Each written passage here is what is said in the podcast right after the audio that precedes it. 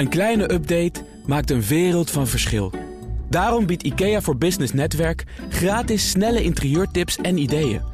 Word gratis lid en laat je werkplek voor je werken. IKEA, een wereld aan ideeën.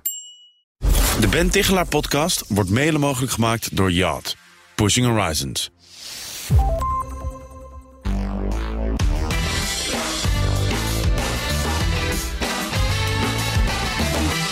Welkom bij de Ben Tichelaar podcast. De podcast over persoonlijke en professionele ontwikkeling. Lachen doen we allemaal graag. Humor speelt een belangrijke rol in ons leven en ook op de werkvloer. Waarom is humor eigenlijk zo belangrijk en wat zijn de gevaren van humor? We praten erover met Madeleine Strik. Zij is sociaal psycholoog aan de Universiteit Utrecht en schrijft van het boek met de briljante titel Humor is een van de vier pijlers onder het universum. En dan tussen haakjes, de andere drie ben ik vergeten. Uh, heel erg leuk dat je het bent, Madeleine. Leuk dat je mijn gast wilt zijn. Dankjewel voor de uitnodiging. Ja, nou, je doet dus onderzoek naar allerlei verschillende dingen, maar ook naar humor. En daar word je natuurlijk altijd over ondervraagd op radio, televisie en, ook in deze podcast. Uh, wat voor soort humoronderzoek doe je eigenlijk? Ik doe vooral experimenteel onderzoek. Dat wil zeggen dat we mensen blootstellen aan iets met humor. Dat kan bijvoorbeeld een reclame zijn. Ja. En dan hebben we een controlegroep, daar zit er geen humor in. En dan kijken we naar het verschil in reacties tussen de humor en de geen humor. Uh, bijvoorbeeld of, of, mensen dat product willen hebben, kopen, leuk vinden. Ja, precies. Oké, ja, en nu we dan toch meteen over reclame en humor hebben. Ja. Dat is een discussie die natuurlijk al heel erg lang woedt. Wat, wat komt eruit uit dat soort onderzoek? Ja, dat humor werkt. Humor werkt. ja, en dat, dat klinkt als een open deur. Ja. het klinkt als een open deur, maar er is toch heel veel onderzoek uh, geweest waaruit bleek dat het juist niet werkt, omdat humor heel erg de aandacht afleidt. Uh, dus humor trekt de aandacht en daardoor de aandacht weg van alle andere serieuze zaken, zoals een merknaam bijvoorbeeld, waardoor mensen het vaak niet zo goed onthouden. Um, dus met reclames heb je vaak van, ja, uh, dat was een hele leuke grap, maar waar ging het ook weer over? Um, en wij hebben dus in ons onderzoek gevonden, ja, mensen vergeten het wel, maar dan willen ze vervolgens toch dat merk hebben. En dat uh, werkt dus onbewust. Dus humor zorgt ervoor dat je eigenlijk onbewust positief gaat nadenken over merken bijvoorbeeld, maar ook over personen. Leuk, zeg maar. Dus als je een goede grap kunt vertellen op het werk of gewoon spontaan gevat bent, dan bouwen mensen positieve associaties met je op. Zeker. Ook al hebben ze dat zelf niet eens door. Klopt. Ja, leuk zeg. Uh, nou ja, uh, we praten wel met een wetenschapper, dus ik ben wel benieuwd naar definities. Wat is dan humor? Wat is volgens jou humor? Ja, humor, als ik het heb over gevoel voor humor, dan is het uh, dat je zelf grappig kan zijn.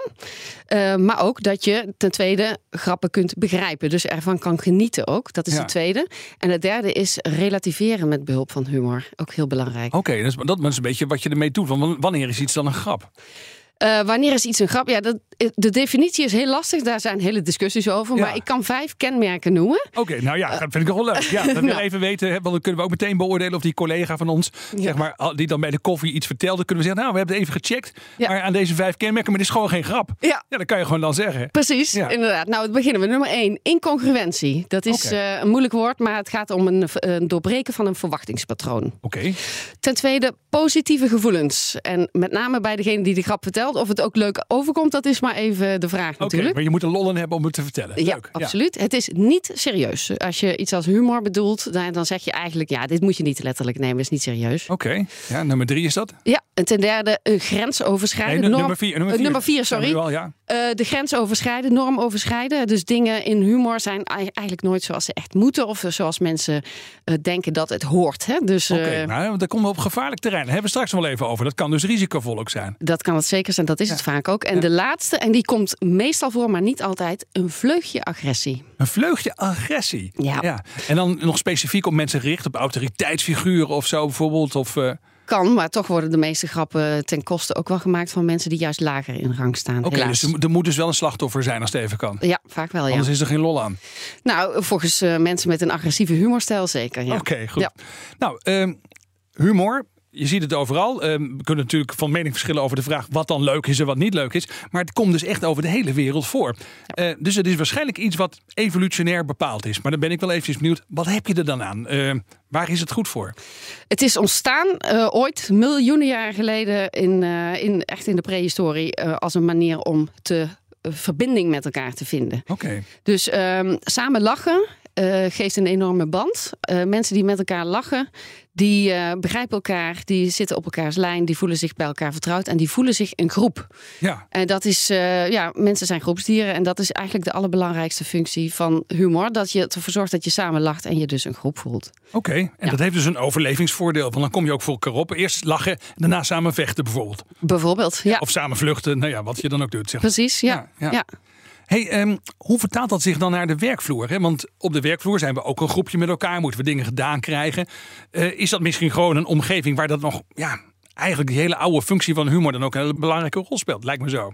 Ja, absoluut. Uh, er zijn ook onderzoeken waaruit blijkt dat mensen het heel erg belangrijk vinden om te lachen op het werk. Ja. Dat vinden ze zelfs belangrijker dan goede koffie. Uh, blijkt dat zo, soms. Dat gaat heel ver. Dat wil wat zeggen. Ja, precies. Um, en mensen zouden ook echt overwegen om een andere baan te zoeken als er niet gelachen wordt op het werk. Ik, ja, ik zag een onderzoek voorbij komen wat jij aanhaalde in een artikel. En dat was een kwart ongeveer van de mensen die zeiden: Nou, als er niet genoeg wordt gelachen, dan ga ik weg. Dus één op de vier, dat vond ik best wel veel. Dat is ontzettend veel. En eh, dat is ook niet echt wat mensen verwachten. Want ze denken: ja, het hoort er wel bij. Maar het is een soort kerstje op, op, op de appelmoes. Het hoeft niet echt. Maar. Um, het is essentieel. Uh, en, uh, en het is eigenlijk vooral een teken dat de sfeer op het bedrijf goed is, dat mensen ontspannen zijn, dat ze goed contact met elkaar hebben en dat ze zich dus een team voelen. En dat zijn eh, essentiële dingen op de werkvloer. Ja, dat, dat groepsgevoel, dat snap ik heel goed. En heb je ook net uitgelegd hoe dat zeg maar uiteindelijk tot stand is gekomen. Ik zag ook nog wat andere dingen voorbij komen. Uh, het is ook goed voor de verkoop. Nou, je noemt in het leven hè, dat het bij reclame goed werkt. Maar als een, als een verkoper humor heeft, dan verkoopt hij ook meer en tegen hogere prijzen, kwam ik ergens tegen. Ja, dat klopt, ja. Um, sowieso vinden wij mensen met een humor die wij aantrekkelijk vinden. Hè? Dus ja. uh, dezelfde humor vinden wij prettig. En waardoor we die persoon zelf al aardig vinden. En dat is natuurlijk al bij een verkoopsituatie heel erg belangrijk. Ja liking is gewoon een van de belangrijkste ingrediënten van goed verkopen. Maar het geeft ook ontspanning. Uh, met name in onderhandelingen is het vaak dat mensen heel strak gespannen zijn en denken: oh, ja. oh, ik moet er het beste uithalen en ik moet me niet gek laten maken. En juist die humor zorgt voor wat meer ontspanning, waardoor mensen iets losser in de wedstrijd staan en uh, waardoor je beter tot uh, ja, uitkomsten. Grappig gezegd. Dus het, een goede verkoper die wordt leuker gevonden, maar haalt ook een beetje de stress uit het gesprek. Ja. En dat kan dus heel goed voor zo'n persoon werken. Dan moet je dus wel, en je zegt wel, er moet wel humor zijn, die past ook bij die ander. Ja. Dus dan moet je eerst eigenlijk een beetje uitzien te vogelen van, van wat vindt iemand anders nou leuk. Ja, uh, je moet goede communicatieve vaardigheden hebben. Dat Ja. is een essentieel onderdeel van uh, humor. uh, humoristisch overkomen. Ja, en dus ook Ehm, communiceren met je oren, als ik je goed begrijp. Absoluut. En ja, we kennen allemaal wel die mensen die eh, grappen en moppen tappen. waarvan je eigenlijk denkt: van, oh, alsjeblieft, hou op, want ik kan er niet nog één horen. Het is vreselijk. Eh, dus dan, dan kun je zeggen: iemand heeft veel humor omdat hij veel moppen vertelt. Maar zo is het natuurlijk niet. Je moet het echt goed inschatten en ook gewoon eh, goed in de situatie kijken. Wat heeft deze persoon, eh, wat geeft hij mij voor feedback en wat kan ik daarmee doen? Hè? Over de gevaren van humor gaan we het zo meteen nog even hebben. Ik had Ja. nog één puntje waarvan ik dacht, oh, dat vind ik toch ook wel even leuk om een beetje te toetsen. Ik kwam ook tegen dat humor ehm, eh, bevorderlijk is voor de creativiteit. Dat is natuurlijk ook iets wat op een werk, eh, in een werkomgeving tegenwoordig steeds belangrijker wordt. Nieuwe oplossingen voor problemen verzinnen. Eh, ja, hoe werkt dat dan? Is, is humor en creativiteit, ligt het ook in het brein bijvoorbeeld dicht bij elkaar? Hoe zit dat? Ja, absoluut. En dat is een van de meest robuuste bevindingen ook in, eh, in het wetenschappelijk onderzoek. Ehm, eh, humor is zelf creatief. Dat is het belangrijkste eigenlijk. Dus ehm, ik, ik noem vaak het voorbeeld van iets uit de coronatijd, wat mensen misschien nog wel kennen, die cartoon van het laatste avondmaal via Zoom. Dus we zien eh, zeg maar eh, Jezus Christus aan een tafel zitten en alle apostelen gaan via de Zoom eh, meedoen. Ja, Ehm, dat is een combinatie van dingen die helemaal niet bij elkaar horen. Dus je hebt het laatste avondmaal en je hebt Zoom, iets heel moderns en van deze tijd. ja. En omdat ze op een verrassende manier zijn samengebracht, vinden we het grappig. En dat, is- dat, is die incongruentie. weer. Precies. Precies, ja. ja, ja. En eh, juist Maakt het omdat. trouwens nog uit of je dan katholiek of protestant bent of je hierom kunt lachen? Hoe werkt Dat- dat? absoluut, ja. Ja, ja. Jij bent meer katholiek, denk ik. Ik En Nijmegen, denk ik. Hoor je Ja. zachte G. Ja, Ja, Brabant oorspronkelijk Brabant, zelfs. Ja, je ja. ja, precies. Eh. Dus ehm, ja, ik, en- ben, ik ben zo'n steile protestant. Ik moet altijd, ik begin, oh, ik denk, oh, waar gaat dit naartoe? Denk, oh, nou, dat kan nog net, denk ik dan, weet je wel. Ja, maar het is goed dat je dit aanstipt, want nu leg je eigenlijk de nadruk op: is het leuk? Ja. Hè? Terwijl ik eh, ook voor die protestant is het verrassend. Hè? Ja. Die, dus, en daar Zeker om. weten, dat is ja. het essentiële onderdeel. Dat eigenlijk eh, het laatste avondmaal en Zoom dus helemaal niets met elkaar te maken hebben en hier op een creatieve wijze worden samengepakt. Ja, Dat is het. daar hadden we het over, over het- creativiteit. Ja. Precies. En als je die eh, combinatie eh, meemaakt, en dat is dus vaak zo in humor, dan word je ook op andere vlakken creatief. Dus dan kun je ook die verrassende verbindingen maken. Dus eigenlijk, als je gewoon een creatief beroep hebt, of je moet af en toe creatief zijn in je werk, is het gewoon nuttig om, uh, nou, laten we zeggen, je te omringen met mensen met gevoel voor humor. Of misschien af en toe een humoristisch boek te lezen of een humoristisch tv-programma te kijken. Dat, dat, prikkelt dus je creativiteit. Ja, en dat gaat voor uh, grappen maken, maar ook ernaar luisteren of ze zien. Leuk zeg, ja.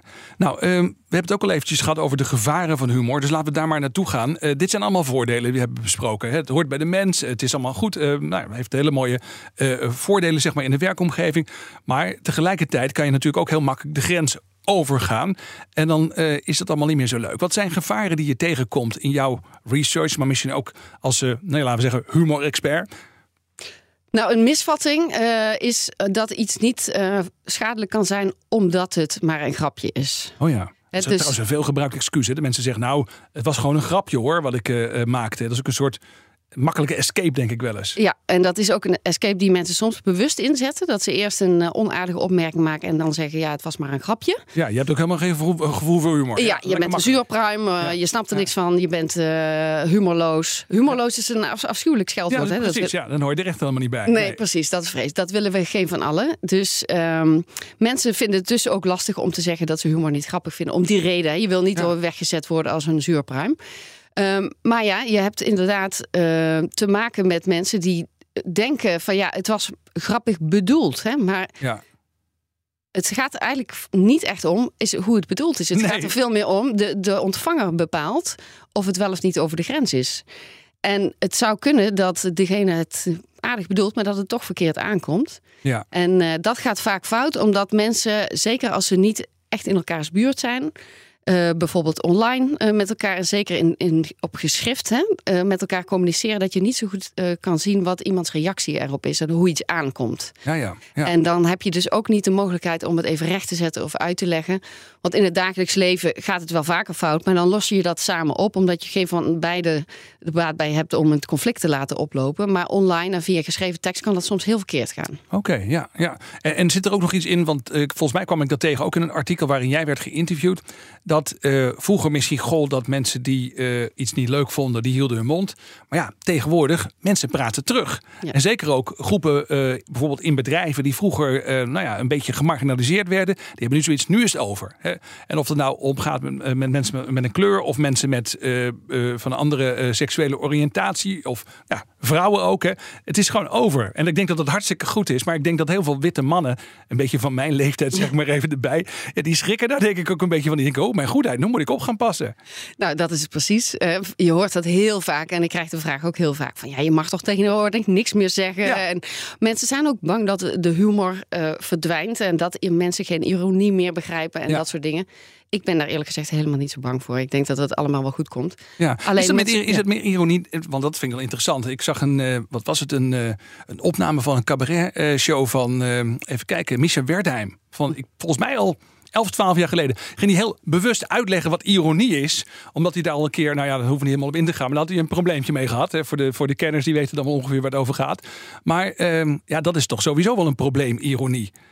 Ja, ironie is een, een lastige, een complexe vorm van humor. En ja. het gaat ook soms mis.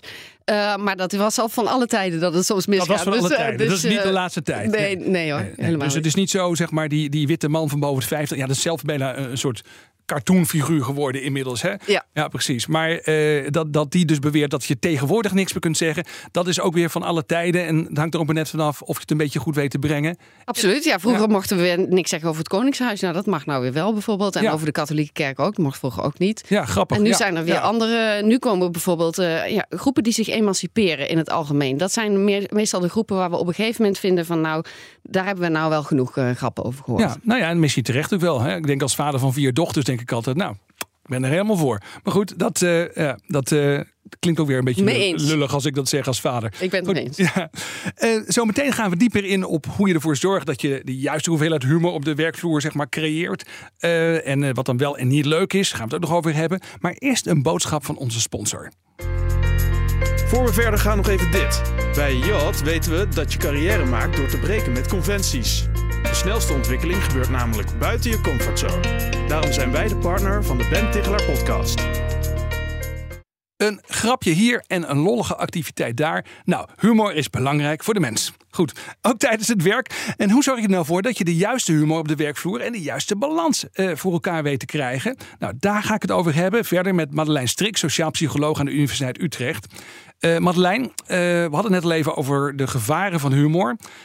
Wat is nou het grootste gevaar op de werkvloer? Ja, tegenwoordig gaat het natuurlijk veel over seksisme, racisme. Ja, daar racistische grappen, seksistische grappen kunnen misschien op een afgesloten kantoortje tussen drie mensen, als er echt niemand meeluistert en ze vinden het alle drie grappig. Maar uh, in de kerstspeech uh, van, van de baas uh, kan het echt niet meer. Nee, precies. Nee, nee. En zelfs als je in een klein groepje misschien op een gegeven moment denkt van nou, hier kan ik nog wel om lachen. Ja. Dan moet je op een gegeven moment bedenken van ja, komt dit verder dan dit groepje? Denk ik dan wel eens bij mezelf. Ik, ik, ik zeg wel eens tegen mezelf en ook wel eens tegen anderen van joh, wat je nou zegt, als er nou morgen voor op de Telegraaf staat, is het dan nog leuk dat je het hebt gezegd? Ja, dan, dan dus niet. En tegenwoordig, je hebt wel gelijk natuurlijk, het, is hartstikke gevaarlijk om op het werk, ook met in een besloten appgroepje of wat dan ook, om uh, lompe grappen te maken. Want je weet nooit waar het uh, terecht komt en wat je, waar je het nog een keer terugkrijgt. Dus uh, het is gevaarlijk, maar tegelijkertijd wil ik het ook weer niet.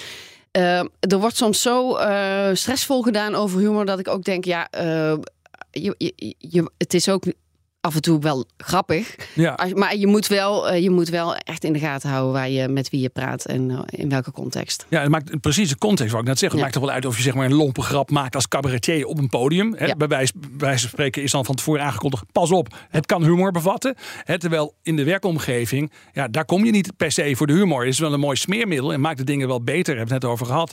Maar tegelijkertijd geldt natuurlijk dat je niet. Uh, je komt niet zeg maar voor een cabaretprogramma. Absoluut niet. En er zijn ook een hele hoop andere dingen, ook grappig en leuk, die uh, niet racistisch en seksistisch zijn. Dus je kunt er makkelijk omheen. Het is, het is, niet zo ingewikkeld. Sommige luisteraars die zitten nu echt die steeds in de auto stil, die, die schrijven erop. Die denken, oh wacht even, ja, dat is nog waar ook. Goed.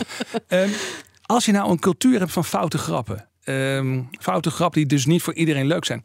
En je staat aan de andere kant van die cultuur. Denk, potverdikke, nou moet nog eens een keer afgelopen zijn hier op het werk met die seksistische grappen bijvoorbeeld. Wat kan je daaraan doen? Want je zei net al, als je jezelf um, ja, een beetje als het ware als humorloos opstelt, dat vinden mensen niet leuk. En dat vinden mensen zelf ook niet leuk om te doen. Ja, dat is ontzettend lastig. Ik, ik heb uh, eerlijk gezegd, uh, ik heb daar geen pasklaar antwoord op. Want het is, als je in een machteloze, relatief machteloze positie bent, is het heel lastig. Want je wordt in een cultuur waarin uh, dat soort lompe grappen de norm zijn, ja. word je inderdaad snel weggezet als iemand die humorloos is. Lastig, high maintenance. God, heb je er weer met er gedoe, gezeur. Um, dus eigenlijk moet in elk bedrijf moet dit gewoon van tevoren goed georganiseerd zijn. Je moet het eigenlijk goed preventief aanpakken met behulp van gedragscodes en dergelijke. En waarin grappen dus ook gewoon uh, worden meegenomen. Het is niet zo van, uh, nou je mag je mag, uh, je mag het wel omdat het een grap is. Nee, absoluut niet. Het is, het is uh, Seksisme is even goed seksisme als het grappig uh, gebracht is. Ja, dus dat moet je misschien gewoon ook expliciet afspreken. Ja, ja. en dan weten mensen ook van nou, dat ze via die code daar en daar terecht kunnen. En dat ze dan ook serieus worden genomen. Ja, nou ben ik manager en nou bespeur ik dit bijvoorbeeld in mijn team. Dat sommige mensen nou, het leuk vinden om een beetje het randje op te zoeken. Ik zie andere mensen een beetje verstijven aan de andere kant van de tafel. Wat kan ik doen als manager, als leidinggevende? Ja, dan moet je ingrijpen. Het is uh, als je moet dat eigenlijk, je moet niet meelachen en uh, daar uh, gewoon een reactie op geven van hé hey jongens, dit, dit is niet zoals we hier met elkaar ja. gaan. Heel duidelijk. En, en op die manier kun je het leuk houden voor iedereen. Ja, absoluut. Ja, ja. ja. Maar dan moet je van tevoren denk ik wel over nadenken. Ik heb een keer een andere gast gehad, dus ik geloof ik zelfs een collega van jou, die ook zei: je moet een soort, soort if-then statement van tevoren al in je hoofd hebben. Dat je zegt: oké, als dit wordt gezegd, dan reageer ik zo. Want op het moment zelf, zeker als er wat gegrinnikt wordt, is het heel moeilijk om eventjes de andere toon aan te slaan. Dat klopt. Mensen zijn super gevoelig voor sociale normen. En ze hebben uh, dan in het moment, omdat iedereen zit te lachen, soms niet door dat het niet kan. Dus je moet je inderdaad er van tevoren plannen. De implementatieintentie hoorde ik je eigenlijk zeggen. Ja, ja, gewoon van plan het van tevoren. Als dit gebeurt, dan zeg ik dit. En misschien kun je het wel alvast bedenken hoe je het dan gaat zeggen, zodat het ook niet meteen helemaal op een uh, conflict uitdraait, maar dat je, dat je het ook op een goede manier brengt op dat moment. Ja, nou zijn er mensen die zijn deze podcast gaan luisteren, die denken, nou, we willen het graag hebben over humor, interessant, en dan gaan we het juist over de gevaren van humor hebben. Helemaal niet leuk, denken ze nu op dit moment. Nou goed, uh, ik denk dat het belangrijk is om te benoemen, maar het is natuurlijk ook een gevaar dat je in een werkomgeving zit waar gewoon eigenlijk helemaal niet gelachen wordt, of waar mensen bang zijn om op een gegeven moment nog grappen te maken. Um, stel je voor dat je humor wilt stimuleren in de werkomgeving. Wat kun je dan doen? Ja, wederom als uh, manager, leidinggevende zou is het fijn zijn als je zelf het goede voorbeeld geeft. Hè? Want mensen kijken daar toch naar van kan het in dit bedrijf? Zeker mensen die uh, net nieuw zijn, die kijken toch een beetje aftastend van uh, wat, wat gebeurt hier? Wat is hier de norm? Wat is normaal? Ja. hoe moet ik mij gedragen? Dus als jij als leidinggevende af en toe eens een leuk grapje maakt. En met name over jezelf. Want dat vindt altijd iedereen prima natuurlijk. Ja. dus uh, dat, je, dat je een keer lacht om uh, hoe je er zelf bij loopt vandaag. Of uh, dat, je, dat je een hele rommelige presentatie hebt gegeven of wat dan ook. Uh, dat helpt wel. En uh, ook bij het introduceren van nieuwe medewerkers uh, kun je af en toe ook eens een grapje laten vallen van goh, dit is Jan van de afdeling, die houdt heel erg van koffie. dat zie je wel als hij bijvoorbeeld twintig lege bekertjes op zijn tafel heeft staan. Oh ja, ik zeg precies. maar wat, hè? Ja. Gewoon, je, het gaat niet eens omdat het super grappig is. Het is eerder de luchtigheid laten zien. En dat in, in dit bedrijf mensen gewoon ook een losjes met elkaar om kunnen gaan. Ja, dat is wel mooi dat je het zegt. Dus ik pik er even een paar dingen uit. Je zegt, oké, okay, um, als je dan grappen maakt maak dan grappen over jezelf. Begin daar eens mee. Hè. Dat is, uh, nou goed, dan hè, wordt er eigenlijk niemand ook aangevallen. Dan zit er ook geen agressie in. Ja. Een beetje de Britse manier van humor. Hè. Dat, dat, hoe heet dat? Self-depreciating. Ja, zelfspot, hè, zeggen wij. Zelfspot, ja, ja, precies. Dat is goed. Dus, En als, nou, willen we toch nog even, jij bent de expert. Hè. Als je nou zelfspot wil bedrijven, mm -hmm. wat zou een goede manier zijn om daarmee te beginnen? Hoe, hoe verzin je zelfspot grapjes, om het maar eens even zo te zeggen? Kan je daarin trainen? Uh, of zeg je nou van, je hebt het of je hebt het niet? Oh nee, iedereen heeft dat. Uh, okay. Daar ben ik van overtuigd. En uh, je moet het ook een beetje, je moet ook bij je passen. Dat is een belangrijke bevinding in het humoronderzoek ook. Je moet eigenlijk je eigen humor vinden. Okay. En je eigen, wat je zelf grappig vindt. En wat bij je past. En wat je bijvoorbeeld zou kunnen doen, is om als je een keer iets geks overkomt, of je doet iets stoms, dat je het even opschrijft en denkt van, nou, die hou ik even achter de hand. En oh ja. als we een keer uh, in de lunchtafel staan en het valt een beetje stil, dan kan ik dat, die anekdote eens even erin gooien. Ja, dat is ook nog een hele goeie. Ik heb eens een keer een gast gehad, inderdaad, die echt, die schrijft iedere dag een e-mail. Dat is een hele, hele goede marketeer. Die heeft zo'n soort nieuwsbrief. Die heeft iedere dag heeft hij wel anekdotes en verhalen. Maar die zegt ook dat dat is het eerste bestandje op mijn telefoon. Daar schrijf ik alle leuke dingen die ik tegenkom, observeer en die ik zelf meemaak. Noteer ik meteen, want dat is, dat is mijn ja, lifeline zo ongeveer. Ja. Nou, dat hoeft bij ons misschien niet de eerste, het eerste bestandje te zijn op je telefoon, maar nee. misschien het tweede of derde. Nou, dat helpt wel. Het, het is handig om het achter de hand te houden. Maar er zijn ook dingen als dat mensen bijvoorbeeld een grappige out-of-office berichten maken. Hè? Dat Ja. is ook al hartstikke leuk. Ja. Of uh, dat je, eh, vaak zit het ook in het onverwachte. Hè? Dus dat je niet iemand vraagt van kunnen we om negen uur afspreken, maar kunnen we om drie over negen afspreken. Dan zie je al mensen kijken van huh, drie over negen, Ja. hoezo? Maar gewoon vaak het onverwachte, een beetje gekkig, uh, is, is al vaak hartstikke leuk. Zijn er ook dingen die je kunt organiseren met elkaar, zeg maar, die de humor bevorderen? Ik, ik denk dat zeg maar allerlei, je hebt natuurlijk allerlei teamactiviteiten. Soms denk ik bij mezelf een beetje, ja, is vaak een beetje gemaakt leuk. Maar, maar helpt dat? Is daar onderzoek naar gedaan? Dat helpt wel. Ja, niet als het gemaakt overkomt natuurlijk. Hè? Oké. Dus uh, mensen. Hoewel, ik moet ook zeggen, bij uitstapjes heb je vaak dat mensen aan het begin heel even over de drempel heen moeten. Hè? Dan moeten ze met z'n allen gaan, uh, ja, gaan schaatsen of zo. En dan denk je aan het begin van, oh, bah, daar heb ik helemaal geen zin in. En dat kan ik helemaal niet. Maar ja, uiteindelijk ben je ermee bezig en dan is het toch hartstikke leuk. Omdat je helemaal in de deuk ligt en juist als je er niks van kunt. Ja, precies. Dus dingen organiseren die je samen doet, dat geeft wel een soort uh, platform, zou ik maar zeggen, context voor spontane humor. En dat kan helpen. Dat kan zeker helpen. En zeker voor mensen die ook een beetje beschroomd zijn om zelf grappen te maken. Want mensen Ja. vinden het spannend. En dat, dat herken ik ook wel. Een grap vertellen is spannend. Want Ja. het kan ook verkeerd vallen of mensen kunnen niet lachen. En daarom is het eigenlijk veilig om te zeggen... nou, we gaan met z'n allen gewoon iets geks doen. Want dan is het lachen eigenlijk gegarandeerd. Ja, ja, ja. Nog één laatste tip. Hè? Ja. Wat, wat doe je nou zelf? Wat is nou iets wat, wat een makkelijke manier is om iets meer humor in je leven te brengen? Als ik, als ik zeg maar op humordieet wil. Ik denk van nou, eigenlijk moet er wat meer gelachen worden in mijn leven. Waar, waar zou je mee beginnen? Ik zou beginnen met het goed om je heen te kijken. Want het is echt om je te bescheuren af en toe wat je allemaal tegenkomt. Gewoon in het dagelijks leven. Wat je allemaal in de supermarkt tegenkomt. Dingen die in de krant staan. Dat kan gaan om eh, een beetje lullige spelfouten. Of eh, eh, als je mensen een beetje ongemakkelijk met elkaar een gesprek ziet voeren. En denkt, oeh, die persoon praat zich helemaal vast nu. Oh, wat, je kunt eigenlijk in heel veel dingen humor zien. Als je er een beetje voor open staat. Ja, dus gewoon je humorbril opzetten Ja. en om je heen kijken. Dan ga je vanzelf mooie dingen zien. Ja, Dankjewel Madeleine Strik. Heel erg fijn dat je mijn gast wilde zijn. ja graag gedaan. Leuk. Ja. Eh Madeleine Strik, sociaal psycholoog aan de Universiteit Utrecht. Ehm, ja, ik ga nog even met haar doorspreken over allerlei andere zaken. Een werktip en een mediatip, die heeft ze nog voor ons. En die ga je vinden in de podcastfeed op bnr.nl slash Tichelaar. En ook in je favoriete podcast app. Voor nu, dank voor het luisteren. De Ben Tichelaar podcast wordt mede mogelijk gemaakt door Yacht. Pushing Horizons. Een kleine update maakt een wereld van verschil. Daarom biedt IKEA voor Business Netwerk gratis snelle interieurtips en ideeën. Word gratis lid en laat je werkplek voor je werken. IKEA, een wereld aan ideeën.